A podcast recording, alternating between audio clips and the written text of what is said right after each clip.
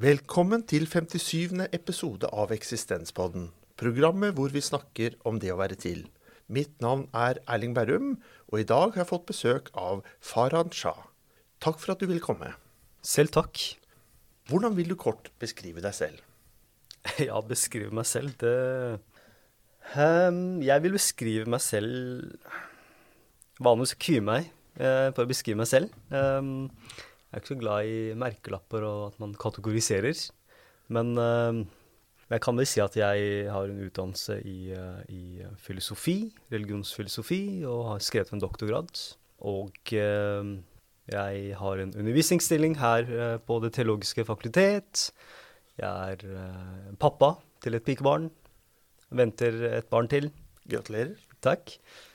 Og jeg vil også beskrive meg selv som eh, ganske dyster type av meg. Litt dyster. Eller at, at jeg trives i, i det å vandre i, i uh, skyggens dal. Uh, jeg trives i, i mørket. Av en eller annen merkelig grunn. Men det kan jeg komme tilbake til. Hva tenker du kan være viktig å nevne om deg og ditt liv? Er det en episode, en dimensjon eller en periode, erkjennelse, som har påvirket deg i stor grad?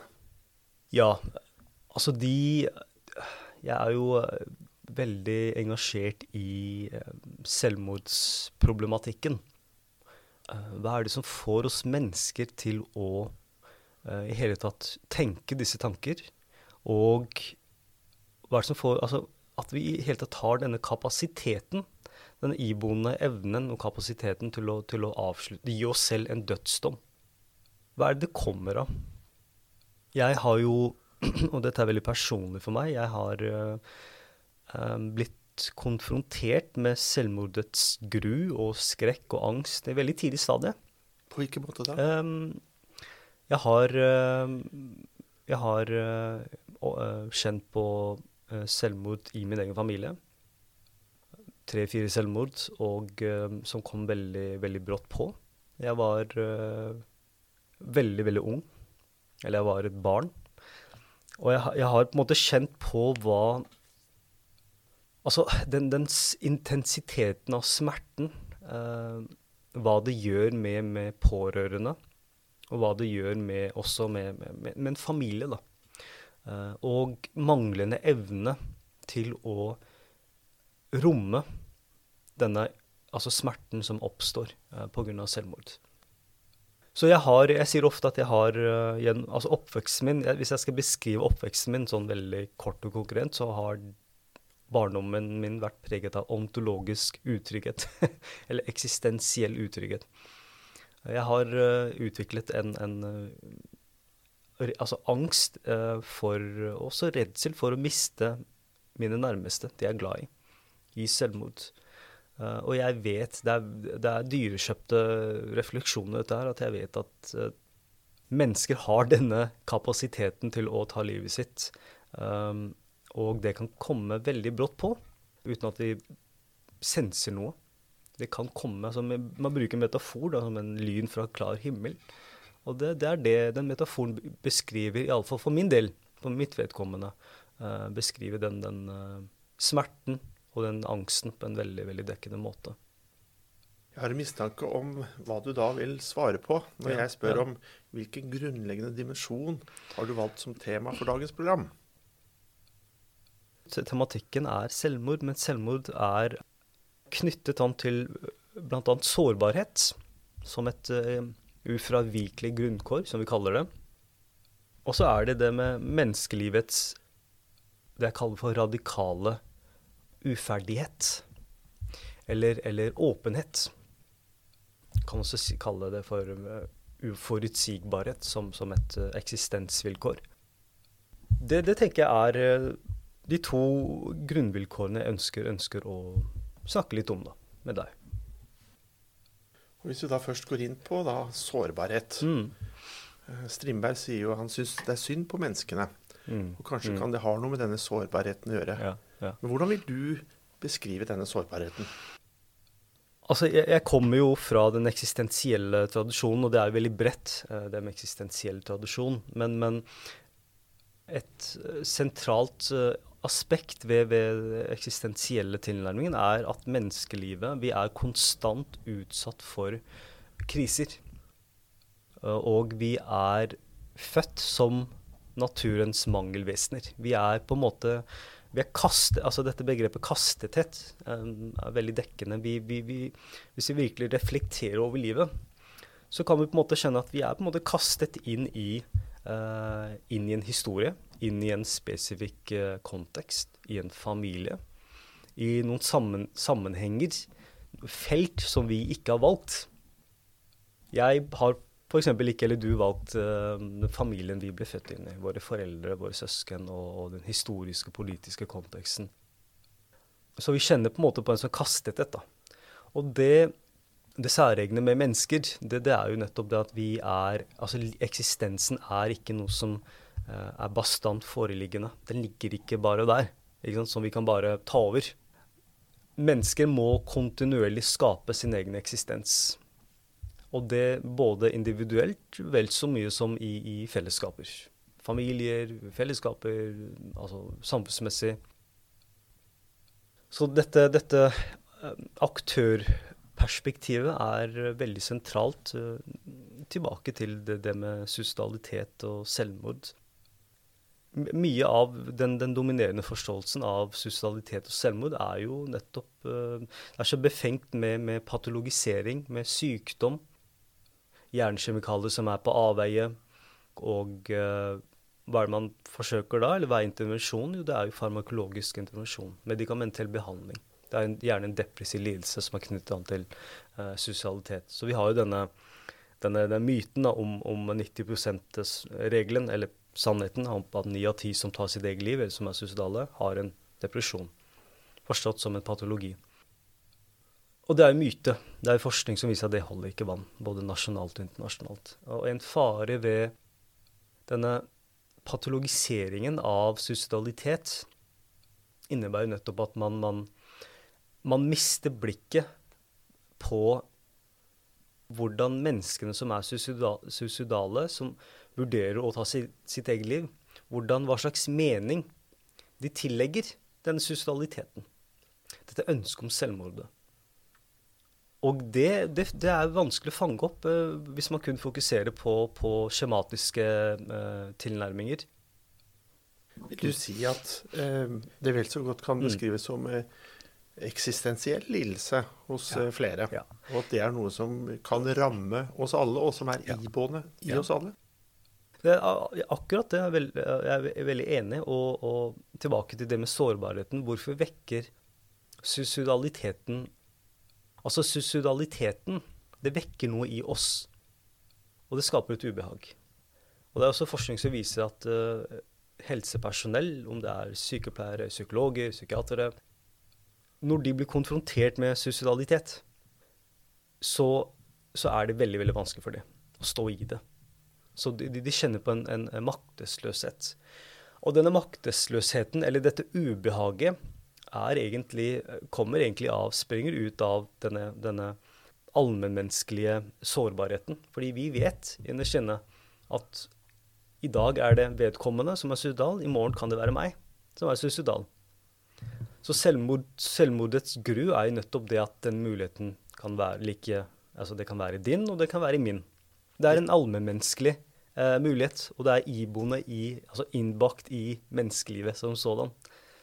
Det at uh, helsepersonell syns mm. det er vanskelig å forholde mm. seg til, uten nødvendigvis å da gjøre dem til en diagnose med medisinering ja. osv. Og, så og den type sykeliggjøring mm. som kanskje gjør det lettere for de å forholde seg til. Men er det også slik at vi i hverdagen mot hverandre også har vanskeligheter å forholde oss til den samme eksistensielle lidelse som et medmenneske av oss kan ha? Og at mm. kanskje også det kan være basert på en frykt. da, At også vi skal mm, mm. få det samme? Eller er det at vi ikke helt vet hvordan vi skal håndtere det? At vi ikke har noen begrepsapparat for det? Eller hva er det som gjør at det kanskje ikke er noe rom for dette, som du sa innledningsvis? Mm. At det ikke er noe rom for å prate om det med de som er suicidale? Ja, du, du er inne på noe veldig vesentlig, og det, det er jo altså manglende i så mellommenneskelig kontekst, manglende, vår manglende vår manglende språk. At vi mangler et språk som virkelig Eller at vi, vi, vi har kanskje ikke bygd opp den evnen og det blikket som gjør at vi kan tone oss inn på de smertepunktene til det mennesket som lider, eller som er fortvilet, eller en håpløs tilstand. Det, det kan komme av at vi, vi ikke har utviklet et, et uh, språk, uh, en språkkultur, som, som, rommer og fanger disse eksistensielle kategoriene som håpløshet, fortvilelse, angst, sårbarhet, um, selvmordstanker. Og det kan også være at det, det, det vekker igjen tilbake til, det, vekker noe i oss. Og det vekker Det, er, det, er det grunnleggende ubehaget som vi, folk flest, ikke, ikke har uh, møtt. Vi, vi, vi, frykter vårt eget mørke.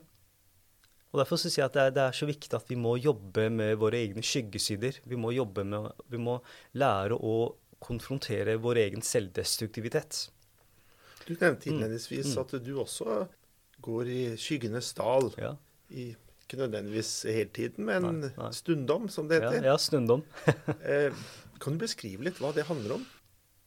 Ja, det er, eh, det er fascinerende, dette med de valgene Altså hvordan, barndomstraumer og smerter fra barndommen, og hvordan det også kan bli førende for eh, de valgene man tar i, i framtiden. Ikke at det er determinisme, men det, det, det, har, det, har, en påvirkningskraft. Og tilbake til det med altså den ontologiske utryggheten eh, gjennom barndommen. og Så jeg har tenkt litt tilbake til det med forskningen min og de valgene jeg har tatt med tanke på utdannelse, yrke, og det at jeg nå jobber eh, skriver om selvmord fra et eksistensielt perspektiv. Så jeg har tenkt litt tilbake til det med forskningen min òg. Eh, hva er det som fikk meg til å forske om, om, eh, om, disse temaene? Hva, hva, har fått meg til å hele tatt velge filosofi, religionsfilosofi, eksistensiell teologi? Og i etterkant så har jeg tenkt, tenkt på at det er i bunn og grunn et forsøk på å håndtere og komme til rette med mine egne traumer og smerter. Gjennom, så, så, det at jeg skriver, det at jeg, jeg sitter her nå med deg og har den samtalen, er også en form for selvarbeid med meg selv. Så det er elementer av narsissisme her. Klart at jeg, jeg ønsker å um, forsøke å forstå, uh, forsøke å lindre og romme disse barndomstraumene. Altså, jeg ønsker til den grad det er mulig å forstå selvmordets enigma. Samtidig som jeg er veldig klar over at det er uh, Vi vil til enhver tid komme til kort. Du kan ikke forstå selvmord uh, altså totalt, da. Så jeg, jeg, kvier meg for denne totaliseringen. Men samtidig så ønsker jeg å nærme meg eh, selvmordet. Selvmordets skru. Kan det også være en måte for deg å overleve på? Ja, det er uh, en måte Ikke bare overleve, men også leve. Jeg ønsker ikke kun å overleve, men jeg ønsker også å eksistere. Jeg ønsker å tre frem i livet. Uh, og jeg ønsker å tre frem på en måte som gjør at jeg kan leve meningsfullt vel vitende om at, at, kriser, sårbarheter, død, sykdom, uh, sosialitet det, det, det, vil alltid følge med oss gjennom et livsløp. Albert Camus sa jo at uh, selvmordet kanskje var det eneste store filosofiske problemet. Mm. Hva tenker du om det? Jeg tenker at det er god mentalhygiene å tenke om livet er verdt, om mitt liv er verdt å leve eller ei.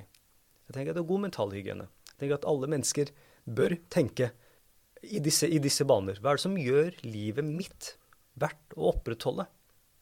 Eller det kan være så banalt som hva er det som får meg til å stå opp hver morgen ut av sengen? Hva får meg til å komme ut av sengen hver morgen? Så jeg tenker at det er god mentalhygiene.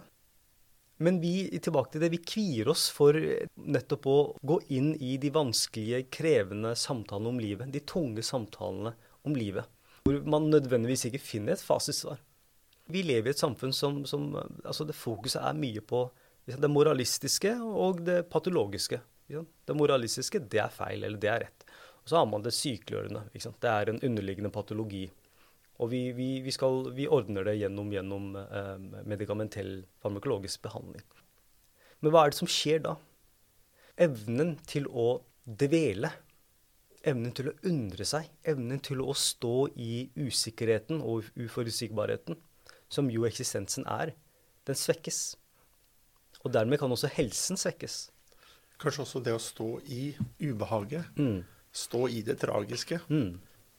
Jeg nevnte nettopp Albert Camus. Ja.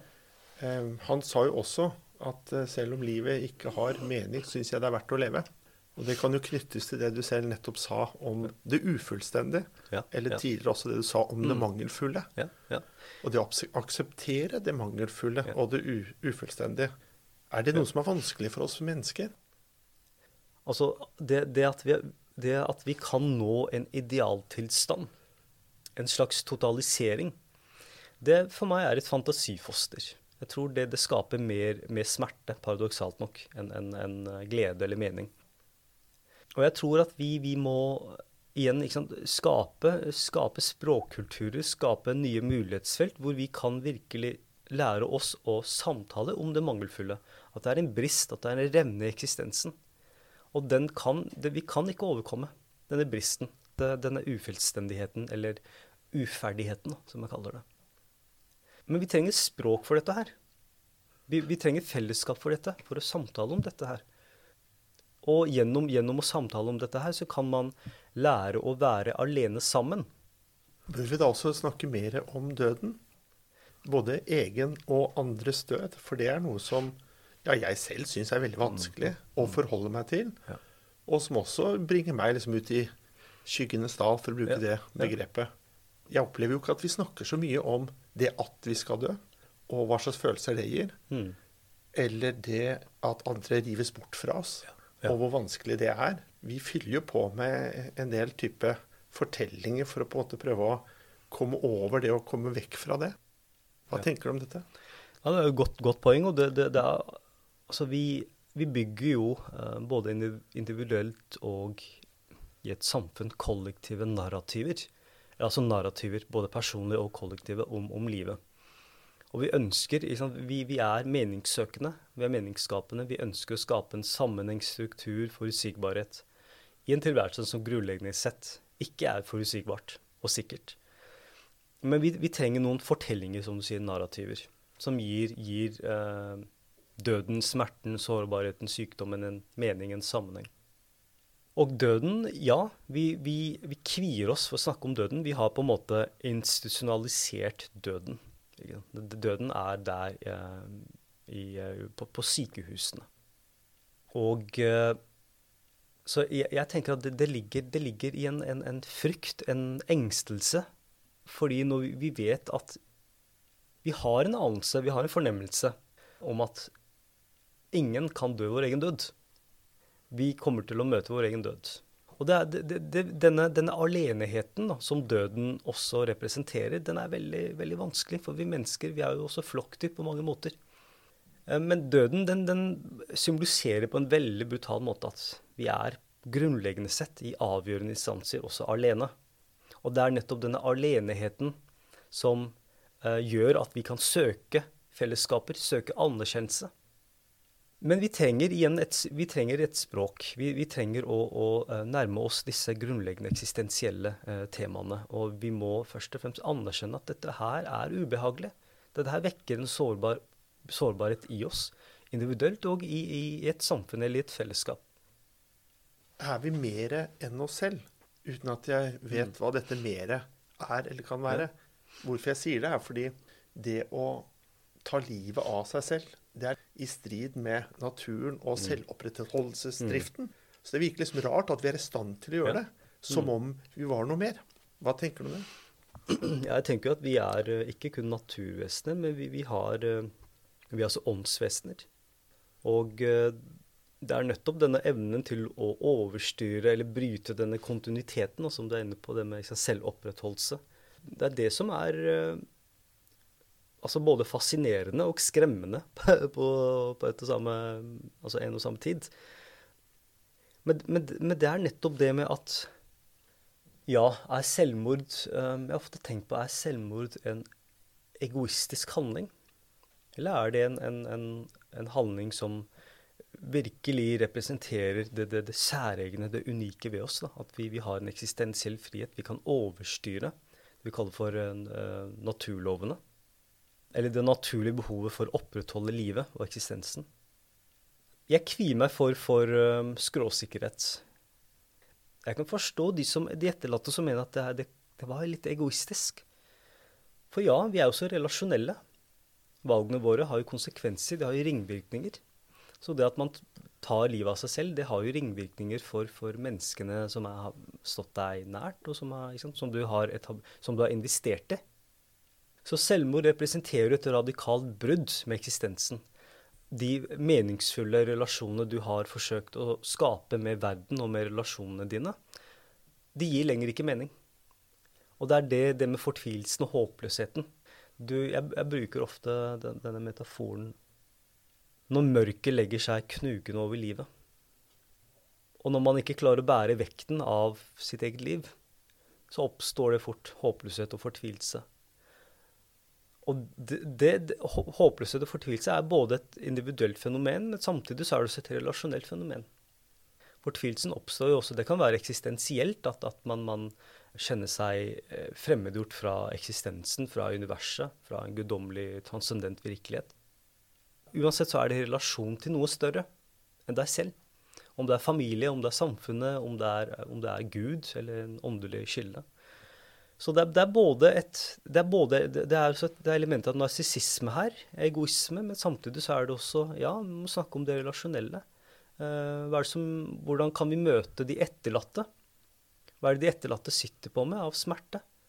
Forstå deres, deres smertepunkter òg. Forstå deres smerte på deres premisser òg. Hvordan kan vi motvirke at så mange tar sitt eget liv som i dag? Finnes det noe vi kan gjøre? Vi snakket i stad om det å ha et språk for det. Men burde vi hatt noen dialogarenaer? Burde det vært mulig å, å, legge seg inn fordi man opplever eh, selvmordstanker, og at man trenger hjelp? Ja, vi, vi trenger klart flere, flere, arenaer som er uh, ikke patologiske, da. Hvor fokuset ikke ligger på sykeliggjøring, men ligger på, snarere ligger på menneskeliggjøring, humanisering av uh, suicidale eller de som vurderer å ta eget liv. Dialoggrupper um, kan, være, kan, være, en mulighet. Og du var inne på det å legge seg inn. Det er et tilbud som heter Livslosen. Lavterskeltilbud i regi av det Konhuset. Og Livslosen er jo nettopp uh, øremerket mennesker som vurderer å ta sitt eget liv, eller som er suicidale. Og de kan få et fristed, et pusterom Um, og det er, det er, både og det er, det er fantastisk tilbud. Jeg har uh, god kontakt med både frivillige der og fagpersonale. De møter deg virkelig som et medmenneske. Det er et tverrfaglig team. Du har muligheten til å bo der i fire-fem dager. Du har muligheten til å ha samtaler. Og det teamet, de vil, de, de vil ikke Altså fokuset ligger ikke på titulering og titler osv. De møter deg eller den andre som et medmenneske i krise. Og så våger de å reise sammen med det medmennesket. Jeg er veldig glad i metaforen å våge å være medvandrer, medvandrer i mørket. En veldig fin, fin metafor, uh, etter mitt syn. Det å være medvandrer. Du skal være til stede på en ikke-krevende og ikke-dømmende måte.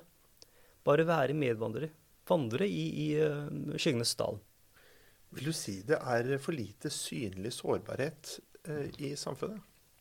Ja, det, det, det, vil jeg si. Og paradoksalt nok, et samfunn som underkjenner sårbarheten som et grunn, altså grunnvilkår, det fører paradoksalt nok til enda mer sårbarhet. og eh, ja, jeg, jeg, mener at vi, vi, vi kvier oss for, for, å menneskeliggjøre disse. Vi kvier oss for å vise våre brist, våre, det revnen, den ufullstendigheten og uferdigheten i vår egen eksistens sosiale medier kan jo bidra til det. og liksom, Opprettholde det, det, liksom, det, dette fantasifosteret om at det er mulig å oppnå idealtilstand. Um, hvor, hvor, du ikke kjenner på det kan være aldring eller sykdom eller, eller sårbarhet. Så ja, jeg tror at Og det, det, som er litt skremmende med det, er at vi, vi, vi internaliserer jo disse, disse, forestillingene. Så blir det veldig førende for hvordan vi da forstår og tilnærmer oss vår egen eksistens. Og skam, skyld, det, det, er jo, er jo um, veldig potente fenomener. Især uh, skamfølelsen, som er veldig totaliserende. Det kan ta over din hele, hele eksistens. Jeg har jo lest uh, et par av, avskjedsbrev skrevet av uh, tenåringen som tok livet sitt. Og en gjennomganger uh, i disse brevene har jo vært eh, denne skammen som kommer av at de ikke klarte å leve opp til foreldrenes eller samfunnets forventninger om, pres, om å prestere, om å være effektive på ulike felt. Og de, de, de, da de ikke klarte å nå disse, disse høye kravene, så var det skamfølelsen da, som slo til. Og den ble så voldsom. Og, og som vi har vært inne på, manglende språk, ensomhet. Og de, de, så tenker man at vet du hva, det er mye bedre at, at jeg, jeg, jeg, tar mitt eget liv. Jeg tror verden og familien min og min nærmeste har godt av det. Jeg er en byrde i livet. Jeg er et null på et vis. Dette fordi at jeg ikke klarte å leve opp til de høye kravene til, til eh, samfunnet eller, eller, familien. Hvis jeg forstår deg rett da, mm. så tenker jeg eh, det gjelder å være forsiktig med våre forventninger til hverandre. Ja, jeg tenker det. Jeg tenker at det er viktig å ja, eh, være forsiktige med, med de forventningene vi har til hverandre, og anerkjenne at vi, vi i siste instans er, er uh, ufullstendige, er utilstrekkelige og er, er, sårbare gjennom et helt livsløp. Og denne sårbarheten den kan også muliggjøre maktmisbruk, angst, traumer, men det kan også muliggjøre omsorg og anerkjennelse.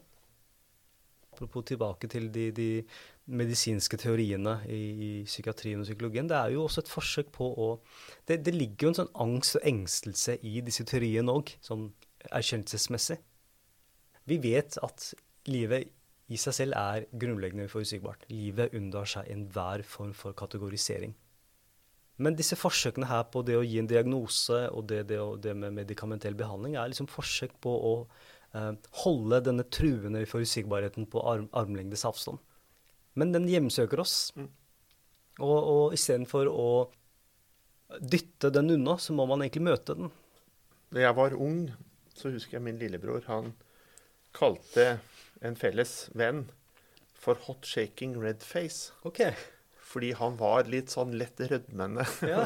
lett dirrende. Ja, ja. Eh, men jeg tenkte, etter at han brukte det begrepet, at det er kanskje noe vi alle burde være. Kanskje vi alle burde i større grad rødme mer, skjelve mer. Være mer preget av det å være til. Ikke sant. ikke sant? Og det er jeg langt på enig i. Å våge å være, våge å være mennesker rett og slett. Og, og la, la, kompleksiteten og la usikkerheten og, og ufullstendigheten komme til syne. Og det, det er, men igjen, det, det, er noe med de narrativene vi bygger opp, og de, de, blir så førende for hvordan vi velger å tilpasse oss, og hva slags preferanser vi har. Hvordan vi velger å leve livet vårt. Hvordan tenker du vi kan få til det? Å gi hverandre litt mer rom, litt større rammer? stort spørsmål. Det, det, er jo så strukturelt og systemisk da, hvordan samfunnet betjener de fundamentale grunnvilkårene ved, ved eksistensen. Eh, men også mellommenneskelig, hvordan vi møter, velger å møte hverandre. da. Som kollegaer, som, som eh, med, altså medreisende, liksom, som reisefeller. At vi, vi, vi er eh, så Schopenhauer han hadde en veldig fin metafor at vi er medlidende. Metaforen at vi er medlidende. Og at vi, vi er Vi lider eh, på en veldig særegen og unik måte. Men det er nettopp denne det er nettopp denne erkjennelsen og denne kjensgjerningen at vi lider på en unik måte, som også muliggjør empati og omsorg. At vi kan møte hverandre der vi er. Og, og kanskje lide, være alene i vår lidelse, men også på samme vis være sammen. Så kanskje vi i større grad skal dele mer av vår egen lidelse, da? ja. med hverandre uten at det er så veldig galt til det. Ja. At det skal nødvendigvis ødelegge mm. dagen. Jeg har en liten måte mm. å, å, gjøre det litt annerledes på mm. når jeg skal spørre hvordan andre mennesker har det. Ja. Og det er at istedenfor jeg spør har du det bra, ja. så spør jeg direkte den det gjelder. Hvordan går det med faren? Fordi det gir deg en anledning til å liksom mm. trekke deg litt unna og mm. komme med litt sånn perspektiv på deg selv. Og da blir det litt mer rom for å si nei, går kanskje ikke så bra en dag. Jeg sliter litt med mm. Eh, det ene og det andre. Jeg sier ofte 'hvordan kjennes tilværelsen i dag'? Å, så godt spørsmål. og det igjen som det åpner opp et mulighetsfelt for å virkelig tenke. Eh, og også mulighetsfelt for å vise frem sårbarheten sin. Eh, du sa innledningsvis også at du var opptatt av livets radikale uferdighet eller åpenhet. Mm. Mm. Hvis du kan utdype det litt mer, hva du legger i det. Vi må skape en egen verden. Eh, verden fremstår ikke som noe, noe, noe som bare ligger der som en essens, da uforanderlig. Som man bare kan ta inn over seg eller absorbere. Vi må kontinuerlig eh, skape vår, vår verden. Og, og, det innebærer primært sett å skape meningsfulle relasjoner og, og bånd med verden. For å gjøre det mer hjemlig. Og eh, denne eksistensielle krisen, eller det suicidale sammenbruddet, er jo som symbol på uhjemligheten. Der fortvilelsen og håpløsheten eh, kommer frem. At verden, eller det vi tidligere har tatt for gitt, det som har vært hjemlig, det som har vært behagelig, som har skapt forutsigbarhet og trygghet, plutselig fremstår som noe veldig utrygt. Og det er liksom å bli kastet ned i avgrunnen og ikke være der. ikke sant? Og ikke, ikke se, se noen lyspunkter. Vil du si at dagens individualistiske kultur mm. også kan på en negativ måte bidra til at mennesker eh, velger å ta sitt eget liv fordi de ikke opplever at har noe, vi har noe ansvar for hverandre? Ja, det er forskning eh, internasjonalt forskning som viser uh, at, at suicidalitet kan også, kan også knyttes an til det neoliberalistiske tankegodset. Og det er apropos det med tilbake til liksom denne, eh, altså denne, denne dyrkningen av individet. Som om individet eksisterer som en sort boks eller, eller som en øy, eh, avsondret fra, fra, verden og an, andre mennesker. Uh, og tilbake til det med, det med prestasjonsjaget. Hele tiden iscenesette oss selv, hele tiden prestere.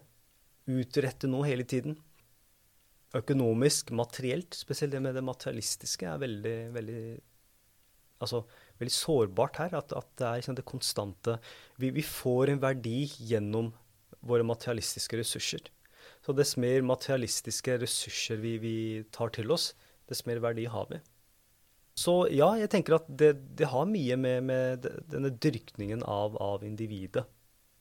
Uh, selv om individualismen i seg selv ikke er, er, er, uh, er galt, på noe vis. Men, men må være forsiktig med denne, denne ekstreme eh, trangen til, til, å virkelig eh, tenke at ja, ikke sant, det er bare Som om individet er, er totalt ansvarlig for, for uh, hele eksistensen.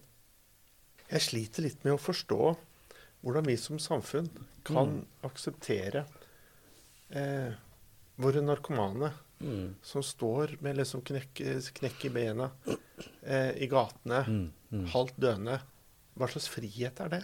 Ja. Hva slags individualisme er det? Mm. Hva slags totalt mangel på kollektivt ansvar er det? Ja, det er jo det. Og, og det er jo veldig tragiske, tragiske syn, det der. Eh, menneskeliv, menneskeskjebner. Hva var det som gikk galt? Eh, hva var det i livet til det mennesket der som, som gikk galt? Og ja, det, mye er jo fokus på, på det, det, det, familiære, det kollektive. At, uh, som du er inne på, mangelen på et kollektivt ansvar og omsorg for individene. Og, og ikke kun psykologisere hele tiden. Alt faller tilbake på individet. Uh, og Arne Johan Vettelsen, som er uh, dyktig, dyktig filosof, han bruker den termen Vi trenger mer fokus på sosiale lidelser. Det er lidelser som, oppstår, som ikke oppstår i individet, men som er et resultat av de kollektive strukturene som, som individet er en del av. Så det er veldig viktig å liksom ha et blikk for de sosiale lidelsene. At lidelsene oppstår alltid i en kontekst.